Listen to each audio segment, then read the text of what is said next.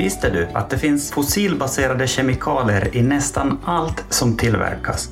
Från kläderna du har på dig till målarfärgen på väggarna och apparaten som du lyssnar på den här podden med just nu. Ska vi lyckas med omställningen till ett fossilfritt samhälle så behövs det innovativa företag inom kemiindustrin som kan ersätta alla de här kemikalierna med biobaserade material. Och det är här företag som Sekab kommer in. Jag tycker att det var väldigt intressant att prata om allt detta med Emil Källström som är VD på Sekab. Mitt namn är Antti Vainio och jag hoppas att du gillar det här avsnittet av Hållbart med Vainio.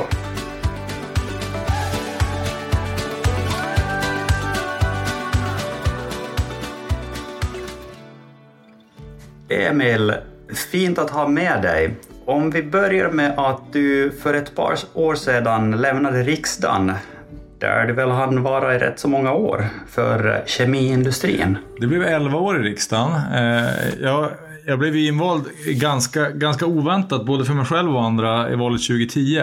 Eh, och var ju bara 23 år då. Ehm, och gick egentligen direkt från ekonomstudier till, och, mm. Eh, till att engagera mig politiskt på det sättet. Då. Och, nej, men sen så blev det 11 år. Och, det, och där jag ju andra halvan ungefär, eller dryga halvan, jobbade framförallt med i finansutskottet och som ekonomisk politisk talesperson.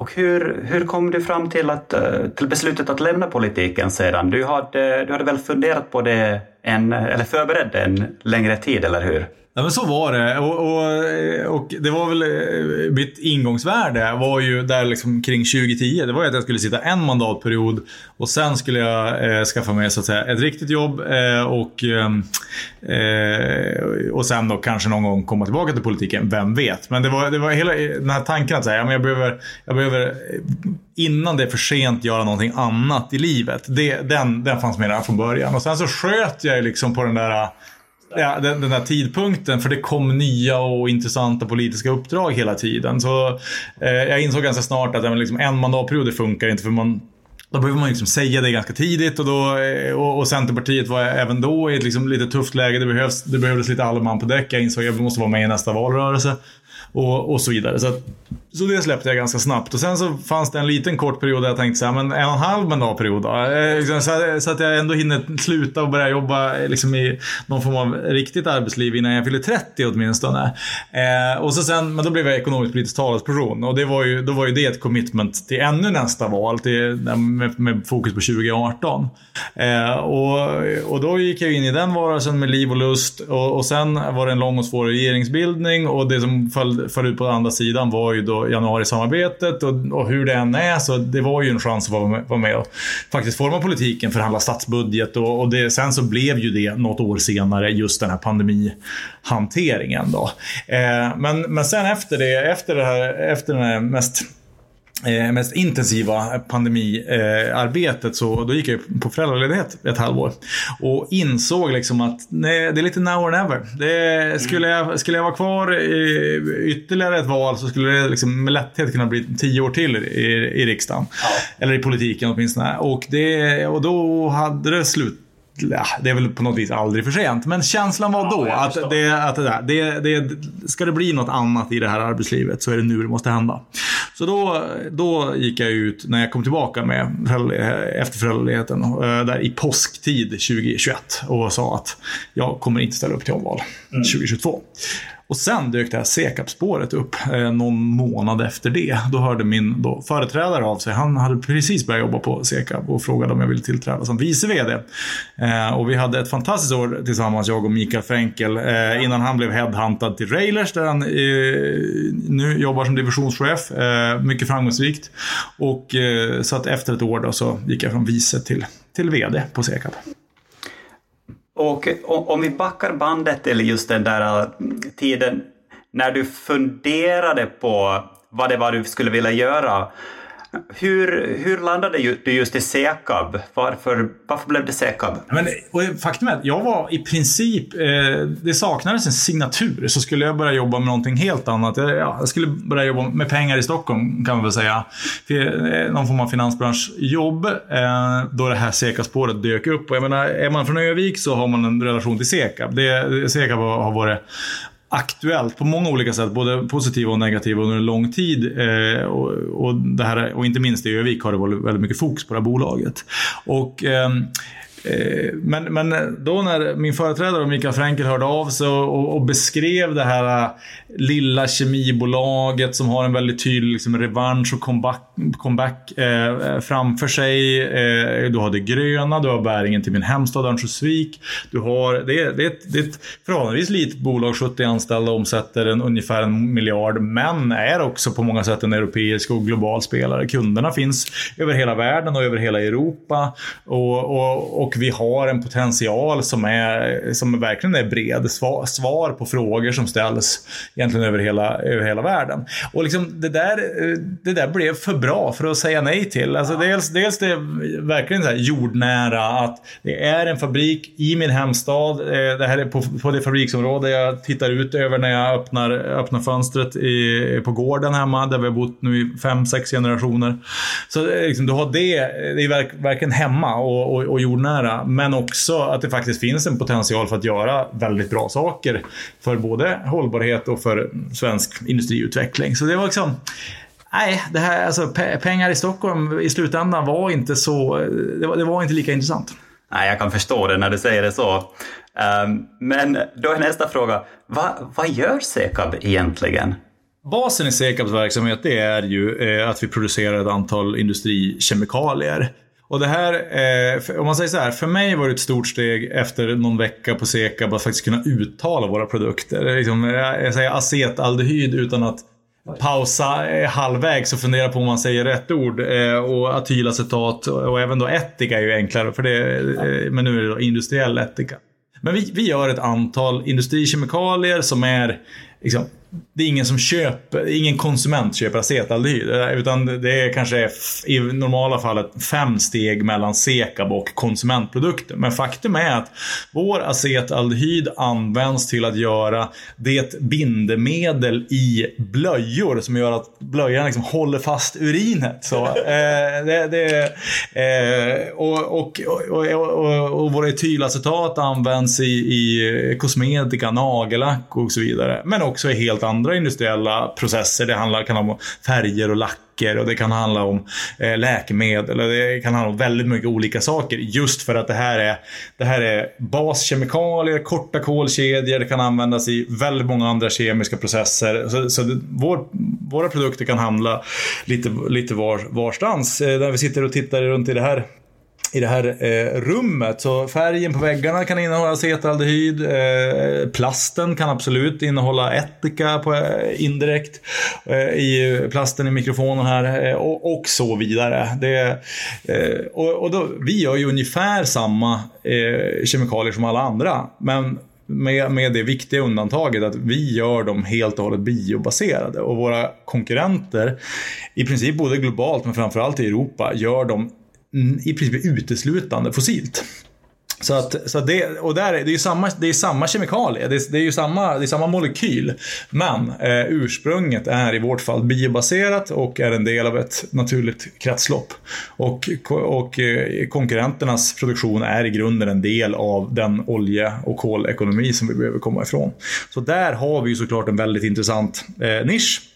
Och något som också är intressant är ju att vi har ju liksom mot alla odds överlevt på den tiden som vi i någon mån fortfarande lever i. Alltså att kemibranschen är helt baserad på det fossila. Prissättningen är helt fossil. Det, det är när oljepriset går upp, ja men då går kemikaliernas priser upp och så vidare. Så vi liksom surfar på en marknad där priserna sätts av, av en helt annan fossil insatsvara eller råvara. Och, och, men vi har klarat av att, att vara affärsmässiga och göra eh, helt, helt okej okay, bra affärer ändå. Och, men nu gläntas vi på en helt annan dörr där vi ju faktiskt kan muta in och hitta kunder som där, ni köper av oss för att vi, för att vi är biobaserade. Och då liksom tar vi oss bort från den fossila logiken.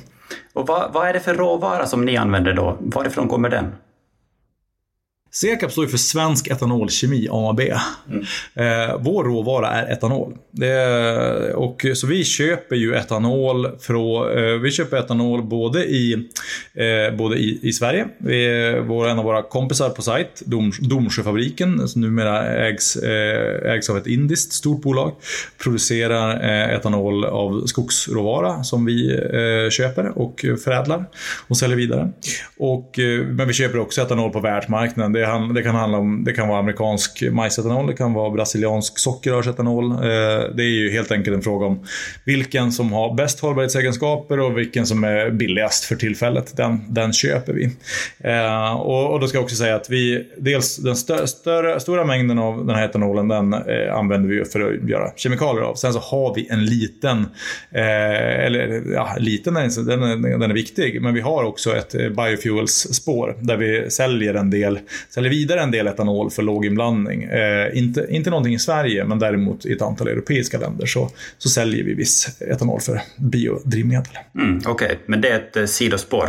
Ja, men det, det, det, det, vi kan och det vi verkligen gör bättre än någon annan, det är ju själva kemi, eh, kemidelen yeah. och, och, att göra eh, dagens, men kanske framförallt då, framtidens biobaserade industrikemikalier. Mm. Om jag tänker på hur, hur de stora industriföretagen ställer om, så, eller egentligen alla företag som ställer om, så, så börjar man alltid med de riktigt stora strömmarna. Eh, titta på liksom, var finns de största utsläppen, var kan vi göra största skillnaden snabbast?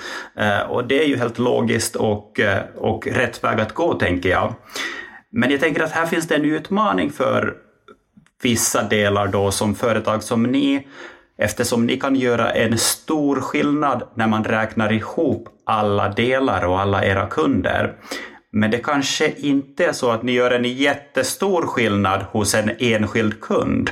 Eller hur? Ja, det är en eh, klockren analys. Eh, och det här är också anledningen. Alltså, kemibranschen är ju sen till hållbarhetsfesten eh, generellt. Det är, det är, dels för att det är svårt för de flesta kemibolag. De är liksom helt fossilt baserade. Alltså, det, det, är, det är fossila insatsvaror, det, man använder fossila eh, råvaror för att producera sina kemikalier, man har fossil energi, man har fossil... Liksom, allt är fossilt. Vart ska man börja i princip? Vilket ju leder till att många av de större kemibolagen de ägnar sig ju alltså, i klartext åt... Eh, man fuskar sig till hållbarhet, man kallar det för massbalans, man, man liksom, du, du, du räknar fram ett fiktivt hållbarhetsvärde men den faktiska produkten är 100% fossil bil. Eh, och så det vi pratar om det är ju liksom just det här att det ska vara spårbart. Alltså, för vi kan ju visa i princip ner på det, den enstaka eh, majstegen eller, eh, eller skogsskiftet. Eh, biomassan har gått den här vägen, det har blivit etanol längs vägen, det har gått till våran fabrik, vi har gjort kemikalier av det, vi har skickat den vidare till våra kunder, så ser flödet ut. Eh, men eh, det är precis som du säger att, eh, för, att det här blir ju liksom, det här, det här är ju luddigare än att byta ut stålet i bilen eller byta energikällor eller liknande. Så det, det vi gör nu det är ju egentligen peka på två saker. Ett, det här är ju bland det enklaste man kan göra för att, eh, liksom, det, är samma, det är samma molekyl. Det här är en drop-in lösning. Du, du, har, du har i år och decennier använt en fossil, vi, men vi levererar samma kemikalie fast biobaserat. Så det är, liksom, det är minimalt med, med hassle att göra den delen av det gröna skiftet. Och, och, det är ju ett viktigt argument. Men sen så ägnar vi oss också åt, åt affärsutveckling och tittar på vad som vi inte gör idag som vi, som vi skulle vi kunna göra. Och då handlar det om att det finns ju kemikalier som är ganska nära de vi gör. Som om man går till rätt kund faktiskt är en ganska stor del av eh, det här fossila avtrycket. Ja, men, by, byt ut den här kemikalien så har du tapp, då, då blir du av med 25% av ditt fossila avtryck. Ja, men då är det ju där vi ska fokusera på. Det är de kunderna vi ska bearbeta och det är, och det är den produktutvecklingen vi ska, vi ska fokusera på. Just, just för att förtydliga för kunden. Eh, liksom, ta det här steget så, blir det, så är det någonting som verkligen tar er i en, i en hållbar riktning. Eh, och det är betydligt enklare och bättre än om man säger att ja, här blir ni av med en halv procent av fotavtrycket. Mm. Och det här är ju en, i slutändan är det en ganska stor utmaning för att det handlar om väldigt stora utsläpp när man räknar ihop allt det. För att eh, när företag tar fram sina net zero-mål och eh, planer för att nå net zero, alltså nollutsläpp, med undantag då för det som heter residual emissions, alltså återstående utsläpp. Det utsläpp som, eh, som är inte ekonomiskt eller tekniskt möjliga att, att ta bort. Jag läste om en studie i tidskriften Nature som eh, kom fram till att ungefär 30 procent av alla utsläppen kan hamna i den kategorin. Och också att utmaningen är att det saknas liksom en definition för vad det egentligen är och var ska man lägga gränsen. Um, och det jag antar är att ni har också en roll att liksom utbilda och informera era kunder om just det här. Också kanske Eh, utbilda och informera bredare intressenter också om det här. Skulle du hålla med om det? Ja, men 100 procent. Eh, och just utbilda kund och utbilda kundernas kund eh, inte sällan också. Eh, för just för att det här är ju ett värdekedjeperspektiv där den eventuella håll, viljan att betala för hållbarhet finns ganska konsumentnära. Eh, och om vi då ser en värdekedja där det, där det är fem eller sex steg mellan oss och slutkonsumenten. Jag menar, det är många som ska dela på, den där, eh, på det där eventuella hållbarhetspremiet. Och, det, och då gäller det dels att hitta liksom, fokusera på de produkter eller applikationer där man kommer närmre eh, slutkunden eh, och liksom någonstans börja där. Men, men framförallt eh, även i, i de lite mer komplexa strukturerna by, även utbilda och bygga insikt för vad det, vad det innebär om man då eh, uppåt i värdekedjan byter ut från en fossil till en eh, biobaserad kemikalie till exempel. Att det, det, är liksom, det speglar ju av sig på innehållet i, också i, i de nedströmsprodukterna. Eh, och, och, och, väldigt mycket handlar också om att, jag, jag nämnde att prioritera de produkter som, som, där vi faktiskt kommer närmare. Men det handlar också om att, eh, att prioritera de kunder som där man ser på saker på samma sätt. För här finns det en o... Det, jag, jag nämnde liksom, det, det fuskas en del. Eh, jag, vill, jag väljer att kalla det fusk. Alla andra väljer att kalla det för massbalans och liknande. Eh, och, där, och där man kan liksom, man marknadsför den. Den här, den här kemikalien är en, en net zero. Eller den, är, den, den, har inga utsläpp. Alltså bara, well, fast den är ju baserad helt och hållet på olja. Det är fossila kemikalier ja. i det. Det är det ni sälj, säljer. Så, så att, liksom, det, det, det, då tänker man, det kan, det kan väl ingen gå på. Men vissa gör ju det för att det är enkelt eller för att man köper det leverantören säger. Men, men det finns ju allt fler slutkunder som verkligen säger att ja, men, vi, vi köper inte det här, utan det ska vara på riktigt det vi gör. Och det kanske främsta sådana exemplet som jag vill prata om är det är ju det samarbete som vi är med eh, tillsammans med Polestar. Där, där Polestar har en vision om att, man, att 2030 ska det rulla en net zero bil på vägarna. Eh, och det ska inte finnas ett spår av fossil koldioxid någonstans i, i, i kedjan. Eh, och, och, det är ju verkligen en mo, liksom moonshot. Eh, och, och, och, och någon, där man siktar väldigt, väldigt högt. Och, och, det är klart att det också kommer bli väldigt svårt. Men, men då, då blir det också mycket enklare att prata om de här, om de här sakerna sakerna där, man, där, där alla runt bordet är överens om att ja, men, det första vi gör det är ju bara att utesluta det som är 100% fossilt. Det kan ju inte räknas som hållbart, eller hur? Äh, bra, vad gör, vad gör vi då sen? Eh, hur tar vi det här vidare? Och eh, Saknas det tekniska lösningar där? Behöver ni fortsätta utveckla nya produkter för att lyckas med det?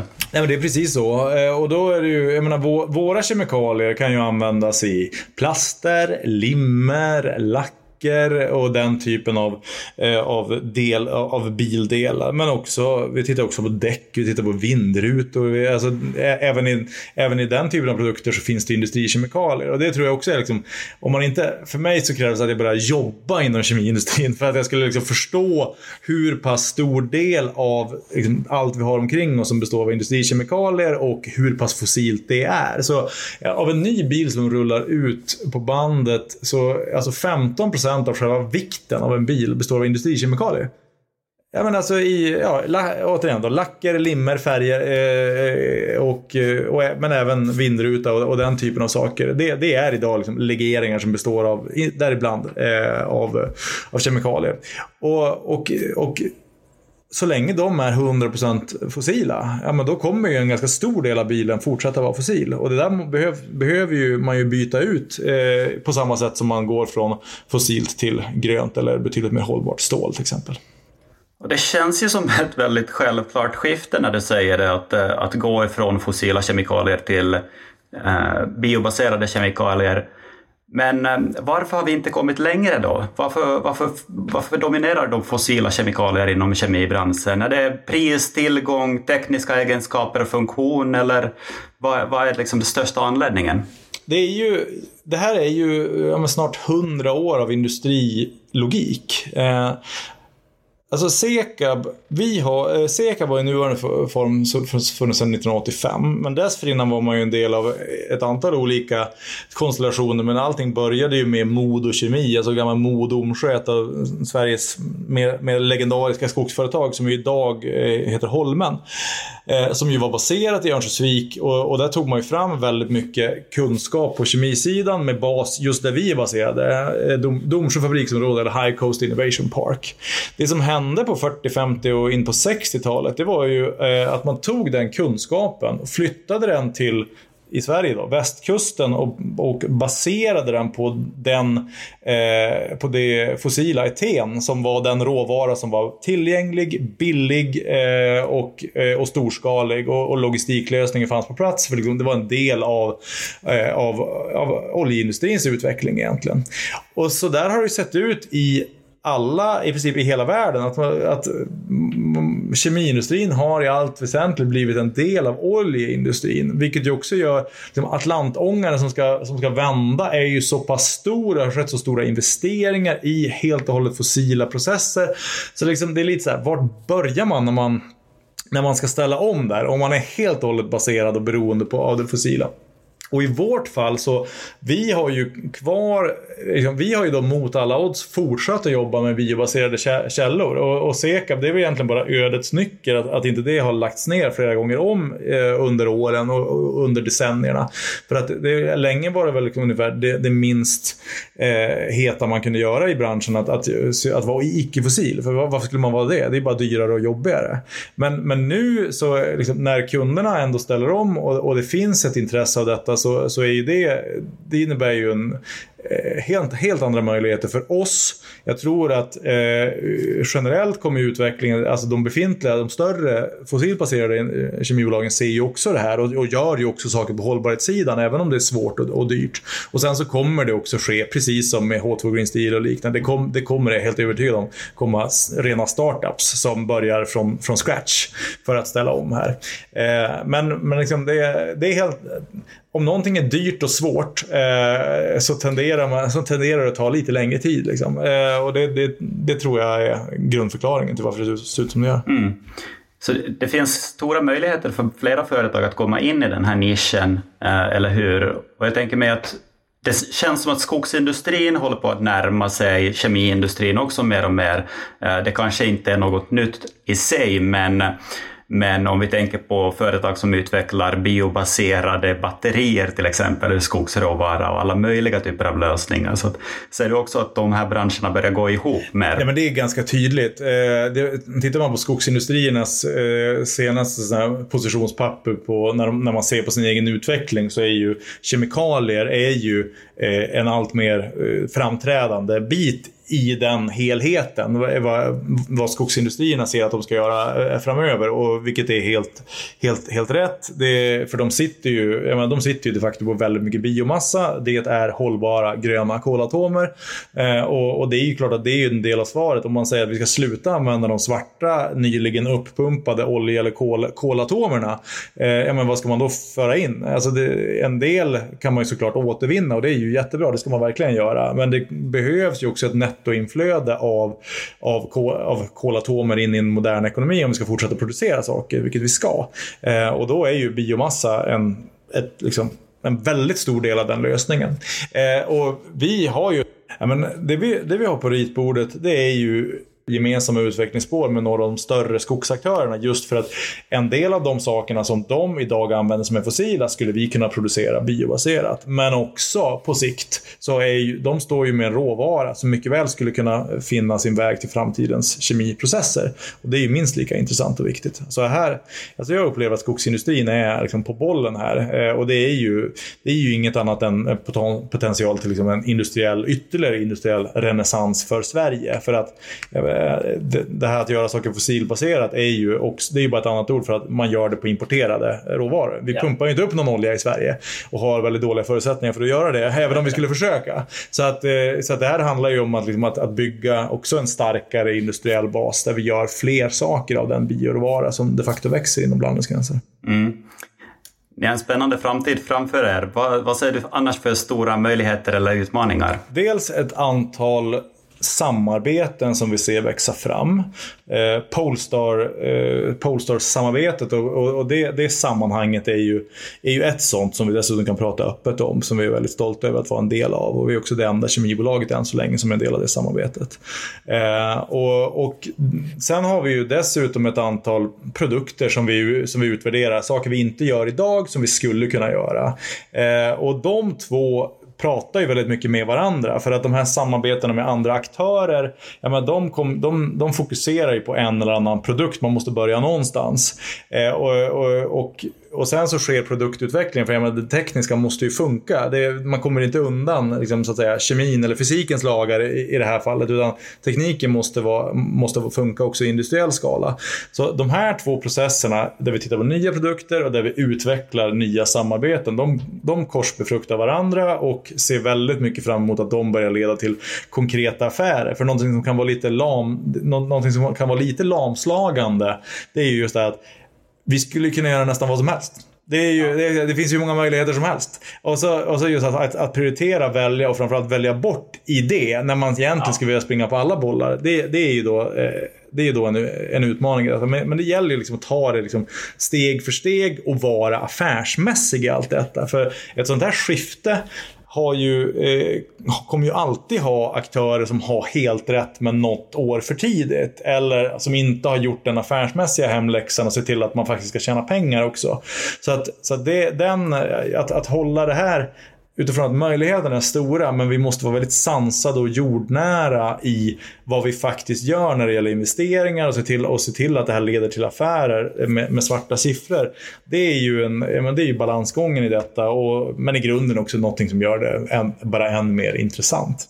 Finns det någon del som saknas då i den här värdekedjan eller i det svenska industrilandskapet? Var ska en, hur ska en entreprenör som har nya affärsidéer tänka? Vad är det man ska satsa på? Alltså jag är ju väldigt, väldigt optimistisk och positiv till vilka möjligheter vi har i Sverige. Eh, och Det är klart att man kan alltid önska sig mer och, och, och det går alltid att fundera på liksom, eh, ja, men re, regelverk, subventioner. Är de tillräckligt offensiva? Jag kanske, kanske inte tycker det. Eh, jag, jag, jag tycker att Sverige skulle vara liksom lite än mer framåtlutat i att ta ledartröjan i, i en sån här omställning som de facto sker. Men det, det, finns absolut ingen anledning att, att, att, måla det här med några, med några mörka färger. Utan tvärtom. Det, eh, vi sitter på, vi, som land har vi ett urstarkt varumärke i de här frågorna. Vi har jätteduktiga företag. Så att, man, så att Sverige är dels en fantastisk miljö för att för att idka samarbeten och hitta samarbetspartners. Men det är också en väldigt stark plattform att blicka ut över världen. Det är, det är många som gärna vill samarbeta med svenska företag på det här. Och jag märker ju bara vilka, vilka rum vi eh, och vilken typ av företag runt om i världen som vi på Sekab får tillträde till. Ibland måste man liksom nypa sig i, i armen. Så här, varför vill de prata med oss? Ja, men, ja, och, och, och det är och en, en del är liksom det svenska ekosystem som vi, som vi är en del av. Så att det är ju här, sitter man och har en, har en, en affärsidé som, eh, som man tror gör, kan göra världen lite bättre och, och, och, lite mer hållbar. Då tycker jag det finns egentligen inte så mycket att vänta på. Utan där, gå, gå till den kund som du tror det du kan göra någonting bra för. Och bygg caset bakifrån från den kundrelationen. Jag tror, det, det tror jag är liksom ändå det främsta. Att, här, utsätt detta för marknadens eh, scrutiny och, eh, och ifrågasättanden så tidigt som möjligt. Och sen så parallellt med att du bygger dina processer. Eh, det, eh, det, det, finns gott om de som liksom lä lägger allt för mycket tid i labbet eh, och för att komma på den perfekta lösningen. Och sen börjar man fundera på kundsegmentet. Och jag är helt övertygad om att man måste göra detta parallellt. Men, men utöver det, liksom, det, det, finns inget, det finns inget som saknas. Det finns ingenting att vänta på. Det är bara att köra. Det är bara att köra. Underbart, Emil. Ehm, det har gått nu ett lite drygt två år sedan du lämnade politiken, eller hur? Um, har det motsvarat förväntningarna? Det har överträffat alla förväntningar. Nej, men jag, jag, har inte, jag har inte ångrat valet en dag. Eh, och det, jag, hade inget, jag hade ingen dålig tillvaro i politiken, tvärtom. Jag trivs väldigt bra. Men det är väldigt kul att jobba med... Eh, det, det, är väldigt kul att jobba på ett företag som har en tydlig eh, vision om vad, vad man vill framåt. Eh, som har uppenbara möjligheter, men där det också inte på något sätt är självklart att man når upp det, utan det är liksom svårt. Man måste tjäna pengar först och investera sen och, och, och det har varit det har varit liksom marknaden, den, den konventionella marknad som vi alltjämt är en del av har ju haft, eh, på kemisidan, haft jättetufft egentligen sen, ja, ganska precis sen jag blev VD så, började, så började det gå dåligt för kemibranschen. Eh, men, men eh, vi börjar ana eh, viss, en viss ljusning och se en viss framtidstro. Så att det, eh, och, och, svårigheter om man hanterar dem på rätt sätt är ju faktiskt no någonting som man bara lär sig och blir starkare av. Så att eh, nej, eh, men jag, jag har buskul på jobbet och det det, är riktigt kul att jobba i industrin. Eh, det är, det är riktigt kul att jobba på Seka. Det är fint att höra. Så du kan varmt rekommendera för fler att flytta på sig mellan eh, politiken och näringslivet? Ja, men överlag så tror jag det, det behöver vi bli bättre på i Sverige. Att, att ha en rörlighet mellan olika samhällssektorer. Du är ju också ett exempel ja. på just det. Eh, med, med, politik och näringsliv och driva eget. Vi, som är, jag, jag har inte riktigt hunnit dit eh, än, men, det, men vem vet, jag det kanske kommer. Det också. Ja, kul. Ja. ja men det, jo då, den, det ska vi, den boxen ska vi checka i förr eller senare. Eh, nej men, eh, och, och, och det, ibland i Sverige är det lite väl mycket bli, att man ska bli vid sin läst. Och, och, och lite där, så här, ah, men ska du jobba här, då måste du ha tio års erfarenhet av den här industrin, eller vad det nu kan vara. Och, och det där är någonting som, som hämmar. Eh, och det där behöver vi bli bättre på, liksom att inse att du, man kan faktiskt skaffa sig intressanta erfarenheter i en helt annan sektor som man sen kan applicera. Och om det då är att man, man hoppar över till den offentliga sektorn efter en lång tid i näringslivet eller tvärtom. Ja, men det är väl, eh, eller akademin för den delen. Eh, det kanske är strunt samma. Men eh, överlag så ska vi nog se pos mer positivt på att byta värld och byta sammanhang. För det är, min bild är att det, det stärker alla inblandade faktiskt. Jag är helt enig i det.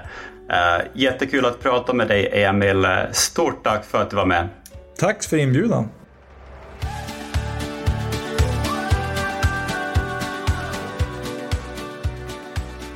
Det var jätteinspirerande att få lyssna på Emil och jag hoppas att du också gillade avsnittet. Glöm inte i det fallet att betygsätta och följa podden. Och varför inte höra av dig till mig med vad du tyckte om podden eller förslag på vad du vill höra mer om. Tills nästa avsnitt, ta hand om varandra. うん。